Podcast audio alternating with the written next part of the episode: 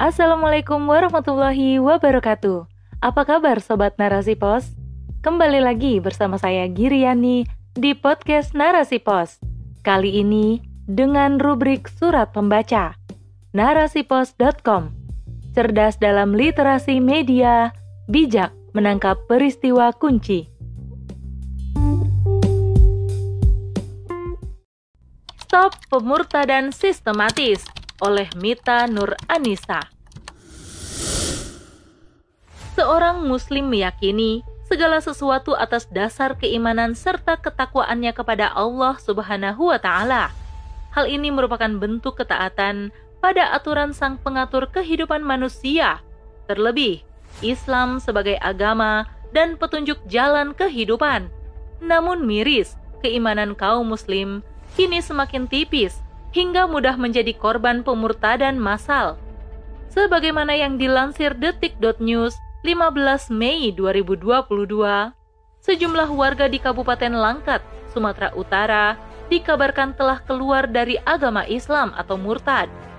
Majelis Ulama Indonesia Sumut, bidang dakwah MUI Sumatera Utara, Muhammad Hatta, mengungkap bahwa adanya faktor eksternal dan internal yang diduga menjadi penyebabnya. Merupakan hal yang sangat disayangkan sampai hal itu bisa terjadi. Bukan sekedar kabar burung, melainkan hal tersebut benar adanya. Terjadi di Langkat, Sumatera Utara. Tidak hanya satu orang saja, tetapi massal, yang mana semua warga kampung melakukan pemurtadan. Ada beberapa faktor yang menyebabkan seseorang murtad, yaitu Faktor eksternal, kesulitan ekonomi bisa menjadi pemicu karena sulitnya dalam pemenuhan kebutuhan hidup, keterbatasan lowongan pekerjaan, sehingga mudah bagi seseorang meninggalkan agamanya. Walhasil, begitu gampangnya agama tergadaikan hanya demi sejumlah uang dan tawaran pekerjaan yang menggiurkan.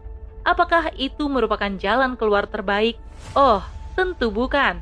Mengingat dosa besar bagi mereka yang telah keluar dari agama sebetulnya akan memberikan kebahagiaan hakiki dunia dan akhirat. Faktor internal bisa terjadi sebab lemahnya kadar keimanan seseorang. Hal itu karena menjadikan dunia sebagai takaran segala sesuatunya. Tidak ada keinginan untuk mencari dan memperdalam ilmu agama agar menguatkan keimanan, agar tidak mudah goyah dan terlena sebab iming-iming materi ataupun jabatan. Karenanya, hal tersebut tidaklah bernilai apa pun, sebab di mata Allah, iman merupakan hal yang paling mulia. Iman merupakan sebab untuk kita meraih kebahagiaan dunia dan akhirat. Dengan iman itulah, seorang akan bisa merasakan ketenangan dan ketentraman, keteguhan hati, dan ketenangan jiwa, serta senantiasa istiqomah dalam menjaga keimanan sampai tiba masanya kematian datang. Sungguh hal tersebut rentan terjadi pada saat ini dikarenakan manusia hidup dalam lingkaran yang menerapkan sistem kapitalisme. Darinya pula lahir sekulerisme dan liberalisme. Sistem tersebut telah menjadikan umat lepas dari keinginan menjalankan seluruh aturan yang ditetapkan Sang Holik. Sebab keimanan kepada Allah menjadi pengganggu dari para pengusung sistem kapitalis dalam meraih keuntungan untuk dirinya sendiri ataupun kelompoknya. Hal ini tentu bertolak belakang dengan Islam. Islam merupakan agama sempurna yang mengatur segala urusan kehidupan, baik hal kecil maupun besar, yang memberikan petunjuk kehidupan agar selamat dunia dan akhirat.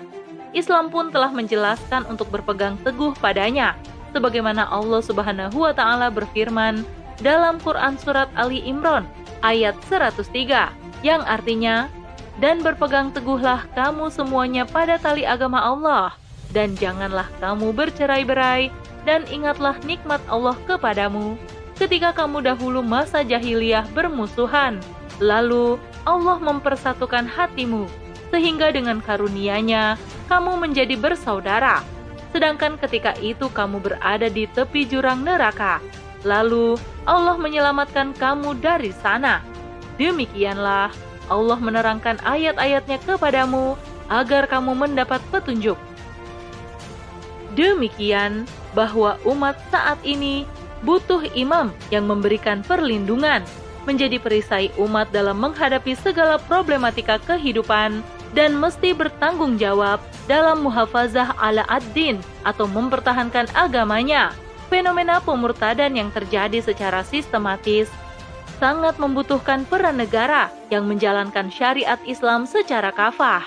Karena sejatinya Islam adalah agama satu-satunya di atas muka bumi ini yang Allah ridhoi dan agama yang membawa kepada keselamatan dan ketenangan bagi seluruh umat. Islam adalah agama sempurna dan umatnya merupakan umat terbaik. Wallahu a'lam bishawab.